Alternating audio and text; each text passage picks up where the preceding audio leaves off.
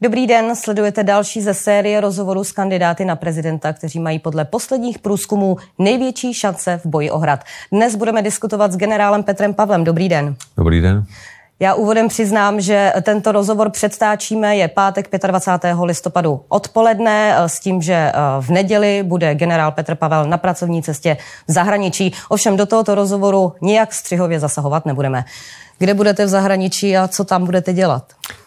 Já se jedu po hrozně dlouhé době podívat eh, za eh, kolegou, který kdysi sloužil ve francouzské armádě a velel té jednotce, kterou se nám podařilo dostat eh, z té bojové zóny bývalé Jugoslávii. Uh, pojďme v tuto chvíli k vaší kampani. Vy jste si jako moto vaší kampaně zvolil heslo Vraťme Česku řád a klid. Proč uh, myslíte, že je potřeba v Česku zavést řád a klid? Já si to nemyslím, myslí si to občané. Já jsem jezdil teď několik let eh, po republice a zdaleka nejenom eh, teď v přípravě na kampaň a v kampani při sběru podpisů. A po celou tu dobu to, co jsem slychal od lidí nejvíc, eh, je to, že je štve, že tady neplatí pravidla pro všechny stejně, že je v některých věcech nepořádek, že mají ve spoustě věcí nejasno a to budí neklid. V průběhu covidu cítili lidé dokonce i chaos a zmatek, Myslím si, že to je odpovědí na to, co lidi trápí, tedy vrátit do věcí eh, řád a pravidla, respekt eh, všemi stejně a to potom vyústí v to, že lidé budou eh, žít ve větším klidu. Nicméně mnozí pocit mají z tohoto mota uh, takový, že uh, vlastně řád a klid platí například v zemích, kde bychom třeba uh, my demokraticky smýšlející žít úplně nechtěli, například v Číně a podobně to je úplně jiný druh řádu. Já mám na mysli řád spíše pořádek, tedy pořádek v tom, že respektujeme pravidla, protože bez pravidel bychom žili spíš v anarchii než v demokracii. Mnozí měli také pocit, že to je jako kdyby z písně Daniela Landy. Nevytýkal vám to nikdo? Ani tam jsme se neinspirovali. Když mluvíte o řádu, o klidu, jak smýšlíte o lidech, kteří například chodí e, na demonstrace, které e, vlastně nesou pod titul Česko na prvním místě? Tam vlastně e, slova o pořádku zaznívají také, ovšem možná je to trošku jinak myšlený pořádek, než zamýšlíte vy v rámci své kampaně. Já myslím, že tam se člověk dozví celou škálu různých názorů. Mě nejvíc fascinují lidé, kteří si na tričko vezmou Putina, nad hlavu eh, českou vlajku eh, volají eh, hesla o svobodě a zároveň potom, aby k nám přišel udělat pořádek Vladimír Putin. To mně přijde jako úplné pomatení. Takže to není typ voličů, které vy byste případně chtěl oslovit? A to rozhodně ne. Eh, vy jste se před pár dny eh, omluvil vůbec poprvé za, svou, eh, za svůj rukou psaný životopis z roku 1987, kde jste mimo jiné schvaloval okupaci z roku 1968. Do té doby jste vždy opakoval, že vlastně se nemáte komu omlouvat za svoji komunistickou minulost, protože jste nikomu neublížil. Teď vlastně říkáte, a cituji vás, chtěl jsem hlavně dělat svou práci, která mě bavila. Do stovek hlášení jsem psal ty stejné fráze, jejichž smyslem bylo splnit formální povinnost. Není to podle vás tak trochu přihlášení se k oportunismu? No, v tom případě jsme asi byli oportunističtí všichni a po dlouhou dobu tehdy, všichni, nebo, nebo větši, většina. Um, různá, různá hodnocení se psala i, i, i ve fabrikách a ve státních institucích a všechna měla podobný charakter. Já musím říct, no, trochu bych se ohradil nejenom proti té omluvě, ale i proti, to, eh, proti tomu, že jsem se měl přihlásit eh, k invazi v tom hodnocení, které jsem tehdy psal, nic takového není. A z toho důvodu ani necítím důvod se za něco omlouvat. Já jsem v tom hodnocení napsal, že mi otec mimo jiné i s využitím přátel, které tady tehdy ze Sovětského svazu měl návštěvě, jak se na to dívat. A to nezně, neznělo ani tak, že jsem odsoudil, ani tak, že jsem schválil. On mi to prostě vysvětlil. A to vysvětlení se týkalo ani ne tak schvalování invaze, jako spíš toho neházet všechny lidi do jednoho pytle. Protože právě na příkladu těch eh, našich přátel, kteří byli eh, naprosto slušní, hodní lidé, nikdy neměli s tehdejším režimem Sovětském svazu eh, nic společného, tak mi říkal, nemůžeš podlehnout tomu, že teď tady panuje všeobecně antiruská atmosféra vyvolaná invazí, ale dívej se na to tak, že i v tom Rusku žije spousta slušných lidí. To jsem tam samozřejmě do toho hodnocení nemohl vypisovat, ale zároveň jsem tam nechtěl oportunisticky psát, že odsuzuji anebo že schvaluji. Nicméně vlastně ve chvíli, kdy vám to vysvětloval otec, tak vám bylo 90 let. Ve chvíli, kdy se psal ten životopis, tak jste byl podstatně starší. Věřil jste tomu v tom roce 87? V tom roce 87 jsem samozřejmě už to nebral tak, že to bylo naprosto neškodné. Já jsem to tehdy jako voják vnímal spíš jako ponížení, protože to bylo něco o nás bez nás. A to mě principu vadilo. A proč jste to tedy psal vlastně do toho životopisu, když už jste to vnímal vlastně tak trochu jinak? No, já to tak... kvůli jenom, jako řekněme, kvůli tomu postupu, abyste se mohl přihlásit? Kariérní postup bych to ani neviděl. Viděl jsem to prostě jako běžnou součást toho, že takovýmhle způsobem se ta hodnocení psala. Stejně jako se psala, eh, psalo do těch hodnoceních, eh, že eh, schvaluje a prosazuje politiku strany, přestože nikdo z nás ji fyzicky nijak ani prosazovat nemohl. Takže prostě byly věci, které se takhle psaly a opisovali jsme je z jednoho hodnocení do druhého. Co vlastně bylo obsahem toho kurzu, do kterého vy jste se hlásil? Já jsem se do toho kurzu přihlásil eh, mimo jiné, protože jsem měl za sebou pět let služby u výsadkářů a chtěl jsem eh, postoupit někam dál. A po pěti letech byla možnost se přihlásit eh, k postgraduálnímu studiu. A já jsem tehdy studoval rád jazyky, chtěl jsem se dostat někam do zahraničí a jako voják jsem neměl jinou šanci se dostat na západ od našich hranic než prostřednictvím oficiální práce. A ta oficiální práce byla například u spravodajců. A proto jsem šel do spravodajského kurzu, který připravoval eh, lidi pro eh, budoucí spravodajskou odbornost. Eh, nicméně vlastně i podle dnešního vydání deníku N vlastně tady panují jakési rozpory v tom, co vlastně jste měl po absolvování toho postgraduálního kurzu konkrétně dělat. Vy jste údajně měl, nebo všichni účastníci toho kurzu měli údajně ve třetím uh, semestru uh, vlastně podstoupit, řekněme, nějaký pohovor, kde měli vyjádřit, uh, jak vidí svoji budoucnost, jestli budou spíše vlastně špioni, když to řeknu takto jednoduše, nebo jestli se vydají na diplomatickou dráhu. Vy jste ten kurz absolvoval, respektive ten pohovor? Já si nejsem vůbec vědom, teda, že by něco ve třetím semestru se takhle dělalo. Tím spíš, že ve třetím semestru bylo ještě moc brzo. Třetí semestr eh, byl vlastně teprve před polovinou kurzu eh, a po několika málo měsících odborné přípravy. Eh, obsahem toho prvního roku studia byl jenom cizí jazyk, takže já jsem celý rok 88 až polovinu 89 studoval francouzštinu a tu odbornou přípravu jsem zahájil až v září 89. Takže jsem do listopadu stihl dva měsíce. Za ty, za ty dva měsíce bych se rozhodně nenaučil nic, na základě čeho bych se mohl rozhodovat, co budu dělat, nebo aby se projevila nějaká moje schopnost pro nějakou kvalifikaci. To se rozhodovalo, pokud já vím, až eh, úplně před koncem studia. A navíc eh, ta eh, příprava byla společná pro všechny. Ať už by někdo z nás pokračoval v té takzvaně zakryté části, tedy v té agenturní, anebo v té otevřené, což byla třeba vojenská diplomacie, což jsem dělal potom já. Proč vám tedy bylo přiděleno krycí jméno a e, vlastně i, e, řekněme, jiné doklady? No, žádné doklady jiné nebyly. Krycí jméno ano, krycí, e, krycí doklady ne. No, vzhledem k tomu, že součástí té odborné přípravy byla i agenturní příprava, no tak každému z nás bylo přiděleno i krycí jméno pro potřeby toho kurzu. Já jsem v tom neviděl nic zásadního, tím spíš, že jsem ho nikde nepoužíval, jenom v tom kurzu. Jak vy vnímáte, že vlastně mnozí mají dneska pocit, že eh, trochu ohledně své minulosti eh, i o tomto kurzu trochu mlžíte, vlastně eh, některé vaše výroky jdou do rozporu i s některými historiky, kteří vlastně vykládají to vaše postgraduální studium trochu jinak? Já vím jenom o jednom historikovi, v tom dnešním deníku N už eh, mluvili další dva, tři, například Libor Svoboda nebo Prokop Tomek. Takhle, pokud jde, pokud jde o údajné mlžení, já jsem nikdy nemlžil. Já jsem nikdy neříkal, že jsem nestudoval v postgraduálním spravodajském kurzu, nikdy jsem nezakrýval, že součástí byla i agenturní příprava, Nikdy jsem nezakrýval to, že někteří z absolventů toho kurzu mohli po ukončení pracovat eh, pod krytím. To všechno eh, byly informace, které jsem eh, sděloval hned od, začátku. To, že se v tom snaží někdo najít nějakou senzaci, to přikládám tomu, že jsme ve volební kampani a že kandiduju na post prezidenta. Já se nemám za co stydět a taky nemám co schovávat. Ani jsem to nikdy neschovával. Máte v tomto ohledu třeba pochopení pro Andreje Babiše, který svoji minulost v kampani také teď vysvětluje a vysvětlují tak, že byl pouze řadovým členem?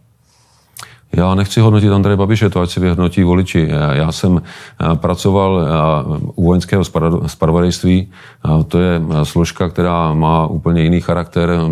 Andrej Babiš, pokud vím, tak spolupracoval s STB a to byla úplně jiná složka. Kdy u vás uzrálo, nebo ve vás uzrálo to rozhodnutí, že budete kandidovat, protože mnozí měli pocit, že vlastně už eh, tu vaši kampaň vedete přes eh, dva roky, možná od doby, kdy se tehdy poměrně zhoršil stav, zdravotní stav Miloše Zemana. No ono to tro, tak trochu souvisí s Milošem Zemanem, protože on na konci roku 2019 začal z ničeho nic hovořit o svých možných nástupcích a zmínil jako svého preferovaného nástupce Andreje Babiše. A já když jsem si uvědomil, co všechno Andrej Babiš reprezentuje, do jaké míry se cítí být inspirován Viktorem Orbánem, tak jsem si řekl, že tohle bych naší zemi nepřál. A pokud mám sebe menší možnost eh, s tím něco udělat, takže se o to pokusím. Vy jste jedním ze tří kandidátů, které podpořila také koalice spolu, zároveň jste ji ale před několika dny v rozhovoru kritizoval v souvislosti s energetickou krizí, že reaguje pomalu. Co konkrétně dělá špatně? Co by konkrétně měla dělat líp? No, eh, vláda přijímá opatření, která sice jdou správným směrem, Eh, ale eh, způsob a čas úplně v pořádku nejsou. Dám konkrétní příklad. Když se budeme bavit o přídavku na dítě ve výši 5000 korun, který má víceméně plošný charakter, tak mnoho lidí ho dostane a je to pro ně přilepšení, které vlastně ani nepotřebují. A je mnoho rodin, které by potřebovali víc než těch 5000 a víc nedostanou. Takže pokud by ta opatření byla konkrétnější, cílená na ty, kteří opravdu si z té krize sami nepomohou a byla, hlavně přicházela by včas, tak by určitě ta opatření byla mnohem účinnější. Měl jste reakci na vlastně tuto svoji kritiku z řad koalice spolu? Já to s nimi nekonzultuji a to, že mě koalice prohlásila za jednoho z kandidátů, které by dokázali podpořit, ještě neznamená, že musím všechno, co dělají, vnímat pozitivně. Jedním z vašich, vlastně největším vaším konkurentem v tuto chvíli a zřejmě až do voleb bude Danuše Nerudová. Cítíte to tak? Protože podle politologů právě vy cílíte na podobný typ voličů a už vlastně jsme viděli, že už i Danuše Nerudová se vymezila mimo Andreje Babiše se vymezila také proti vám. Já se nechci vymezovat, já chci zůstat u toho, co nabízím já a bude záležet lidem, jestli ten balíček se jim bude líbit nebo ne. V čem jste jiný než Danuše Nerudová? Co jim nabízíte jiného? No máme každý naprosto odlišnou zkušenost. Já nemám zkušenost z akademického prostředí, kromě té doby, kdy jsem se v něm sám po nějakou dobu při studiu pohyboval, a to i u nás a v zahraničí, ale mám celoživotní zkušenost nejenom v armádě naší, ale i v mezinárodních organizacích, ať už je to Evropská unie, NATO, z několika působení, z dlouholetého jednání s našimi zahraničními partnery a taky s mm, krizovým managementem, se kterým eh, jsem přicházel do styku po celou dobu své kariéry. A to, že nemáte zkušenost akademického prostředí, tak cítíte to jako handicap nebo naopak vůbec? No já bych neřekl, že mám úplnou eh, neskušenost akademického prostředí. Já jsem eh, na školách univerzitního typu strávil dohromady asi 8 let. Takže zas tak eh, krátká doba to nebyla. Eh, zhruba před týdnem eh, dopadla na území Polska raketa, až posléze se ukázalo, že vlastně ji neodpálilo Rusko. Vy jste byl jedním z těch, kteří velmi správně apelovali na to, aby se zachovala chladná hlava, aby se to nejprve vyšetřilo a na prohlášení ministrině obrany Jany Černochové jste reagoval slovy, že u ženy je omluvitelné, že v takovýchto situacích může reagovat pod vlivem emocí. Kdyby byla mužem, tak by to omluvitelné nebylo? Ne, já jsem eh, to stáhnul na ty obrázky, eh, které ona určitě viděla, co to eh, dělalo a naprosto chápu, že se na to jako žena a matka dívá trochu jinak než, než chlap a ještě k tomu voják, protože já jsem přece jenom těch konfliktů viděl asi zblízka mnohem víc, takže se s těmi obrázky asi dokážu, dokážu lépe vypořádat. Chápu to, že když se na ně dívá citlivější osoba, tak může mít blízko k emotivnějším vyjádřením. Nicméně ono, mnoho lidí z toho mělo pocit, že vlastně ženy třeba nejsou úplně vhodné na vedení silových rezortů právě protože častěji podléhají emocím. Takhle jsem to určitě nemyslel. Nemyslel jste to tak. Líbí se vám ministrině Černochová jako ministrině obrany? Dělá no. věci správně? Nenašel byste nic, co byste skritizoval? To máme každý, co můžeme zlepšit a určitě i ministrině Černochová. A co to je konkrétně? Například ehm, komunikace s vedením armády a, a pak eh, taky eh, některé personální věci. Konkrétně? Tak teď třeba odvolání šéfa vojenského technického ústavu. Pojďme v tuto chvíli k pravomocím prezidenta. Jedna z těch nejvýraznějších je rozdávání milostí. Jak by byste s nimi nakládal s milostmi? Eh, podle jakého klíče byste je uděloval, neuděloval? Udělal byste eh, ji například eh, prezidentskou milost polskému páru, který dostal nedávno od prezidenta v souvislosti s podáváním psychotropní, psychotropního nápoje a jahujaska? No, když to měl říct hodně stručně, tak bych řekl, že bych s nimi nakládal střídmě. A, ale chápu to jako spíš výjimku, než jako pravidlo. Nevidím smysl v plošných amnestiích a v těch individuálních případech, když jsou dobře zdůvodnitelné, ale viděl bych to opravdu spíš jako jenom poslední možnost napravit nějakou chybu anebo víc vstříc z humanitárních důvodů. Myslím, že naprosto neakceptovatelné jsou milosti motivované politicky, jako to bylo třeba v případě Miloše Baláka, a v případě eh, těch, eh, těch eh, polských distributorů psychotropní látky, tam si myslím, že by bylo spíš na místě, než milost, tak iniciovat změnu sazebníku trestního, protože v tomto případě trestný čin spáchán byl, jenom jeho výše byla nepřiměřená. Nicméně eh, vlastně eh, prezidentská milost je mimořádný prostředek, mimořádný opravný prostředek právě třeba v takových případech, kdy eh, možná potom se vyvolá, až potom se vyvolá diskuze, zda je vlastně ten systém, zda je nastavený správně. Tak ani, ani vlastně v tomto případě byste ji neudělal? Já bych musel asi mít více informací a nechal bych si to vysvětlit od odborníků, včetně jejich návrhů, protože posuzovat to z pozice vlastně právního amatéra může být mnohdy zavádějící. Jako prezident byste také jmenoval například ústavní soudce, eh, podle čeho a jak byste je vybíral? Podle odbornosti a myslím si, že to základní kritérium, které by mělo platit vždycky, tak je, je transparentní přístup. Já si myslím, že ať už se to týká eh, členů bankovní rady eh, České národní banky, nebo soudců, nebo profesorů, nebo nominací na státní vyznamenání, tak nic nebrání tomu, aby celý ten proces byl naprosto transparentní. A v případě eh, ústavních soudců si myslím, že to je tak významná pozice, že by stálo za to jmenovat a opět transparentně nějaký poradní sbor, který by byl veřejnosti oznámen. V rámci toho pak stanovit jasná hodnotící kritéria, podle kterých se budou vybírat noví ústavní soudci, oznámit a veřejnosti dát najevo, kdo jsou nominovaní kandidáti a pak zorganizovat například eh, veřejné slyšení nebo eh, chcete-li grilování tou odbornou komisí, která by jim kladla eh, fundovaně otázky, jakým způsobem by postupovali v konkrétních případech, aby si i veřejnost mohla udělat obrázek o jejich schopnosti reagovat, o jejich názorech. Takže byste veřejnost, pardon, zapo- zapojil do, do vlastně toho procesu, aby i veřejnost rozhodovala o tom, a veřejnost, kdo tam bude sedět? A, aby to mohla vnímat, aby se na to mohla podívat, ale spíš ty otázky by kladla samozřejmě spíš spíš odborná veřejnost, tedy tady ta, eh, řekněme, eh, posuzovací nebo spíš taková poradní komise eh, prezidenta. Já si nemyslím, že by to mělo probíhat někde za zavřenými dveřmi a stejně tak si nemyslím, že by jména kandidátů, případně kritéria, podle jakých se vybírá, měla být někde schována v zákulisí. A co prezidentské milosti? V minulých letech jsme byli často svědkem, že dostali od prezidenta vlastně vyznamenání i lidé, kteří vlastně budili velké kontroverze, co státní vyznamenání? Kdo si ho podle vás zaslouží? Já to vidím zase úplně stejně.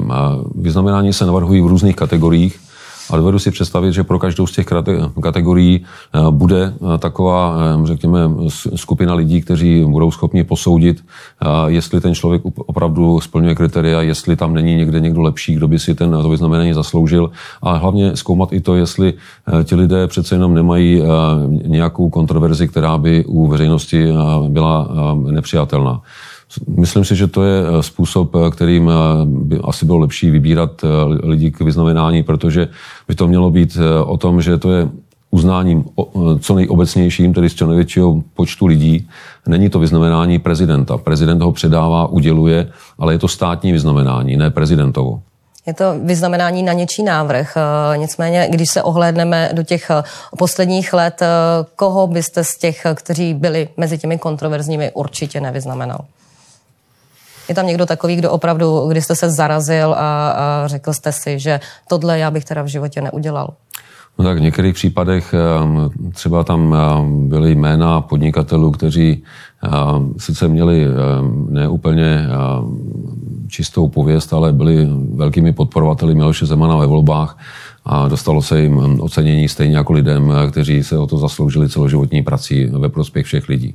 Takže své blízké okolí a případně eh, své sponzory byste nevyznamenal nikdy? Já, eh, já si nemyslím, že by to mělo být kritériem, protože kritériem by mělo být to, co udělali pro tuhle zemi a pro její lidi, ne to, co udělali pro mě.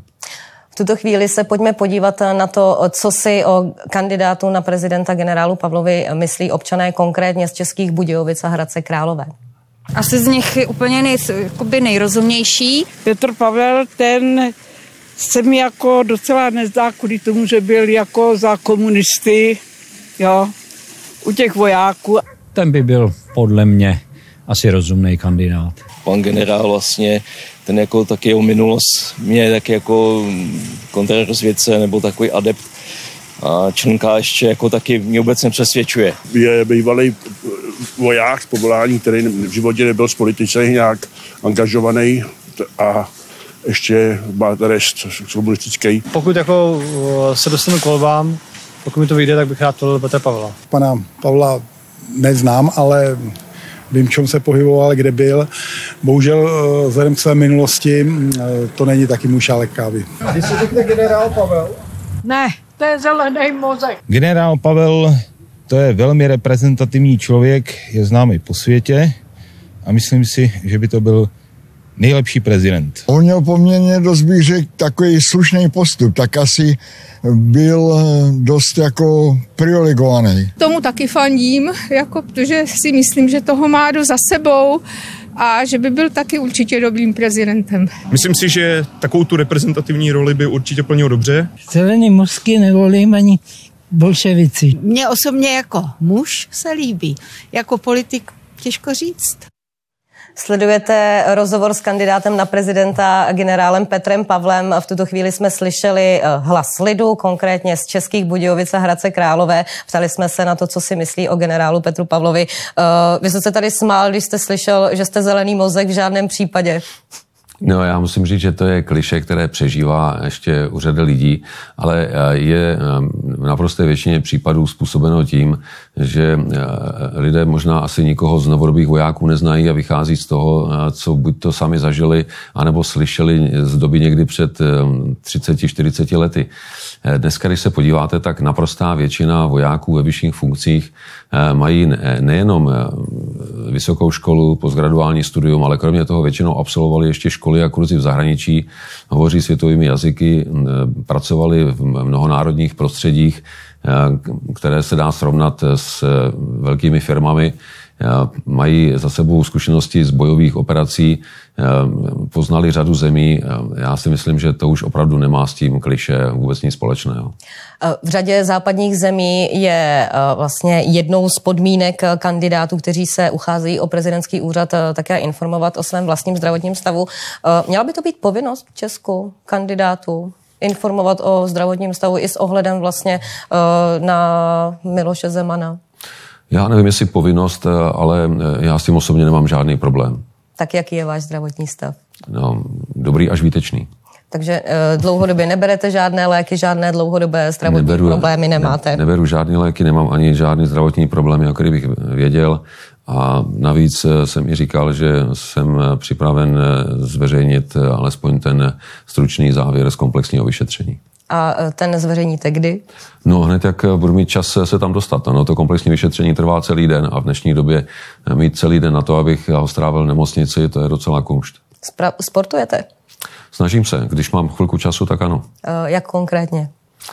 Buď to se jdu proběhnout, nebo si zahrát nějakou hru, teď nemyslím na počítači, nějakou kolektivní hru.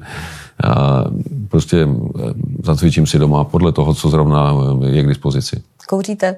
Ne. Pijete? Střídmě. Co to znamená střídně? Kolik lahví týdně?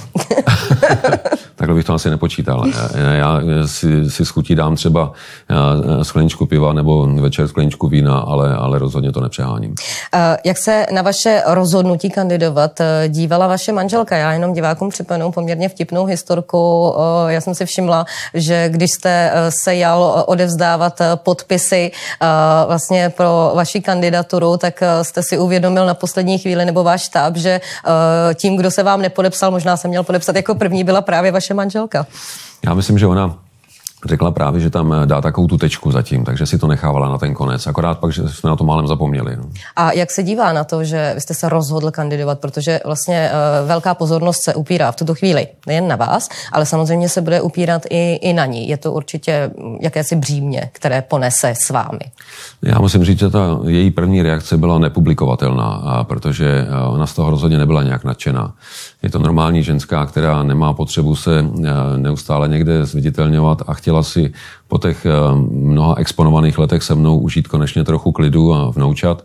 A když jsem jí přišel oznámit, že tohle hodlám udělat, já, tak nejdřív se toho hodně zalekla, ale pak, když se mnou občas takhle jela některé ty besedy, které jsem absolvoval ještě v době, kdy jsem se na kandidaturu připravoval, tak a viděla tu odezvu, tak uznala, že tam je asi něco důležitějšího než jenom osobní pohodlí a je připravená do toho se mnou jít, tak jako šla zatím se mnou do všeho. Když říkáte, že její první reakce byla nepublikovatelná, tak to vám řekla třeba expresivněji, jestli jste se nezbláznil, nebo... Asi, asi tak bych to řekla, ano. Expresivněji, ano. dobře. Pojďme se v tuto chvíli podívat na jeden vlastně z propagač, jedno z propagačních videí, kterým vy se také snažíte oslovit voliče. To dneska vidí každý, že tu v mnoha ohledech vládne nepořádek, chaos a bezradnost. Spousta věcí u nás prostě nefunguje. Potřebujeme generální úklid. Potřebujeme, aby se dodržovala pravidla a platila pro každého stejně. A je potřeba začít z hora. Půjdu první tak, jak jsem to dělal celý život a udělám pořádek v úřadu prezidenta. Jsem generál Pavel a jsem připraven se do toho pustit. Sledujete další ze série rozhovorů s kandidáty na prezidenta dnes s generálem Petrem Pavlem. Viděli jsme jedno z videí, které vy umistujete na sociální sítě. Eh, vy jich tam máte řadu, jste opravdu, řekněme, plodní, nebo váš tým eh, je plodný. Eh, často se tam objevujete ve flanelové košili. To je záměrně, protože když jsem si poslouchala, co o vás říkali vlastně vaši podporovatelé ve chvíli, kdy jste jeli odevzdat podpisy na ministerstvo vnitra, tak právě tam jeden z nich tu flanelovou košili zmiňoval s tím, že jste úplně normální člověk, který právě právě přijde do hospody ve flanelové košili, sedne si tam k pivu a, a trpělivě uh, vysvětluje a naslouchá uh, lidem, kteří tam sedí. My jsme tohle video tak trochu v týmu nazvali Hornbach, Hornbach video, ale není to, není to eh, žádný záměr se stylizovat do něčeho, co nejsem. Prostě tohle je to, co mě vyhovuje nejvíc. Já jsem vždycky, když jsem měl možnost se svleknout uniformy, tak to první kritérium bylo pohodlí a prostě rifle nebo kapsáče s flanelkou jsou opravdu výrazem maximálního pohodlí. A navíc já tím předbíhám modu, protože příští rok má být rokem flanelových košilí, takže já už vlastně určuju trendy. Kolik jich máte tedy v tom případě doma připravených na příští Minimálně rok? pět. Minimálně pět. Hmm. To je poměrně málo, nepřidáte? Asi jo. Vy jste v rámci kampaně například se nechal přesvědčit, abyste sjížděl vodu, abyste závodil, nechal jste se přesvědčit, abyste s manželkou po dlouhé době vytáhli brusle. Je něco, co byste eh, v rámci kampaně, vlastně, co byste eh, dělat nechtěl, na co byste řekl, že ne, tohle to dělat nebudu a taky mě zajímá, eh, jestli to jsou vaše nápady, nebo vlastně děláte to, co vám řekne váš marketingový PR tým, co by bylo fajn zveřejnit na sítích a co podstoupit. Já myslím, že jedna z takových hlavních zásad která asi platí obecně a my jsme se na to v týmu eh, na tom shodli hned od samého začátku, že měnit se dá lecos jenom ne kandidát, takže eh, nebudeme dělat nic, co by pro mě nebylo přirozené. A jestli eh, jsem někde sjížděl vodu nebo polezu někde po skalách nebo cokoliv, to jsou věci, které jsou mi vlastní a dělám je rád. Pokud je eh, o to, co bych opravdu eh, nešel dělat a nenechal bych se k tomu přesvědčit ani marketingovým týmem, i kdyby mě to mělo přinést sebe víc bodů, eh, tak je třeba jít tancovat do nějaké soutěže. To Neumíte tancovat? No možná trochu umím, ale, ale rozhodně to nepatří k mým oblíbeným činnostem. Všiml jste si toho, že ve stejném týdnu, co jste vlastně zveřejnil fotku s řekněme, eh, nějakým domácím zvířetem s, jestli nevím, jestli to byl vůl, kráva, eh, tak vlastně to samé udělal Andrej Babiš. Jste se fotili vlastně úplně stejně stylizovaně. A my jsme se na tom nedomluvili, teda musím říct. My jsme byli na takové hezké farmě kousek od Kladna, eh, kde majitel měl bíčky na, na pastvě a dal nám suchý chleba, abychom jim dali. Já jsem ke zvířatům měl vždycky blízko, takže jsem to udělal rád. Rozhodně ne proto, že bych se chtěl nějak připodobnit k Andreji Babišovi. Jakými lidmi byste se obklopil v případě, že byste se dostal na hrad? Chytrými. chytrými. Vy jste zveřejnil, uh, ano, jasně, vy jste zveřejnil uh, vlastně svůj poradní tým ohledně uh, vlastně řešení krizí, ohledně vlastně uh, covidové krize, uh, to, už jste, to už jste měl vlastně nějaký poradní tým i ohledně energetické, finanční krize. Uh, kdo by byl například, uh, už máte vymyšleno, kdo by byl třeba hradním kancléřem, kdo by byl vaším mluvčím v případě, že byste, že byste vlastně s, byl prezidentem České republiky? Já teda musím říct, že já bych v první řadě přestal používat slovo kancléř, protože to trošku eh, zavádí a já myslím, že je potřeba to opět začít vnímat jako úřad, no, takže to je, takže to je vedoucí kanceláře. Eh, já na to eh, mám zatím člověka, ale protože eh, jsme ještě nedospěli do stavu, kdybychom eh, to chtěli oba dva zveřejnit, eh, tak počkám, až ten souhlas dostanu a pak to jméno zveřejním. Ale věřím, že to bude brzo. A zveřejníte kompletně vlastně, kdo by s váma případně na ten hrad šel, i včetně vašich poradců, aby, myslíte si, že si to lidé zaslouží, aby, aby věděli předem vlastně, jakými lidmi se obklopí? Takhle, já myslím, že zatím se mohou klidně podívat na můj volební tým, protože se dá očekávat, že někteří z těch lidí v případě úspěchu by mohli pokračovat se mnou. Pokud jde o ten poradní tým, tak eh, ten není nijak nikde vázán. To jsou lidé, kteří eh, mě radí eh, pro bono na základě toho, že chtějí a já budu moc rád, když mě budou radit i dál. A pokud by měl být někdo na nějaké pozici placeného poradce, tak na to si myslím, že ještě příliš brzo. A závěrem vyjmenujte tři věci, které byste dělal jinak než Miloš Zeman. Jenom tři? Tak můžete víc. Máme tři minuty, tak můžete se do nich vejít. Já myslím, že takhle, já spíš bych řekl, co bych chtěl dělat jako Miloš Zeman, a protože všechno ostatní bych chtěl dělat jinak. Tak povídejte. A tím, v čem bych chtěl pokračovat, je přístup Miloše k Zemana a zajištění bezpečnosti země, obrany, protože jsem nikdy neslyšel od něho, že by obranu země podceňoval, že by neakcentoval eh, význam eh, výdajů na obranu, že by neakcentoval význam eh, zahraničních misí, že by nevěnoval armádě pozornost. A i když ne, ne ve všech závěrech ve stavu k armádě jsme, jsme spolu souhlasili, já jsem byl u Miloše Zemana minimálně čtyřikrát, pětkrát do roka, když jsem ho informoval o některých strategických věcech i v souvislosti rozvoje a, a, a výstavby tak eh, tu pozornost bezpečnosti a armádě vždycky věnoval. Nicméně eh, zároveň eh, prostě, co se týče geopolitiky, tak tam byl velký, velký příklon k Rusku a to je také otázka bezpečnosti. Dá se říct, že když to pojmeme takhle, tak tam samozřejmě bych se lišil taky v tom, v tom geopolitickém pohledu. Ale teď jsem myslel spíš ten přístup k zajišťování obrany z hlediska zdrojů a, a pozornosti. Takže z těch věcí, které byste dělal stejně jako Miloš Zeman a ostatní, nejste jmenoval jenom jednu. Opravdu jenom jedna a zbytek byste dělal Já myslím, jinak. že opravdu asi jenom jednu, protože uh, jinak uh, musím říct, že uh, si těžko dovedu představit nějakou další oblast, kterou bych chtěl dělat stejně jako Miloš Zeman. Díky, že jste byl naším hostem. Naschledanou. Já vám děkuji. A díky i vám, že jste se dívali a příští týden budeme pokračovat v sérii rozhovorů a budeme pokračovat s protěžky kandidátů na prezidenta, kteří mají podle posledních průzkumů největší šance v boji o hrad. Naschledanou.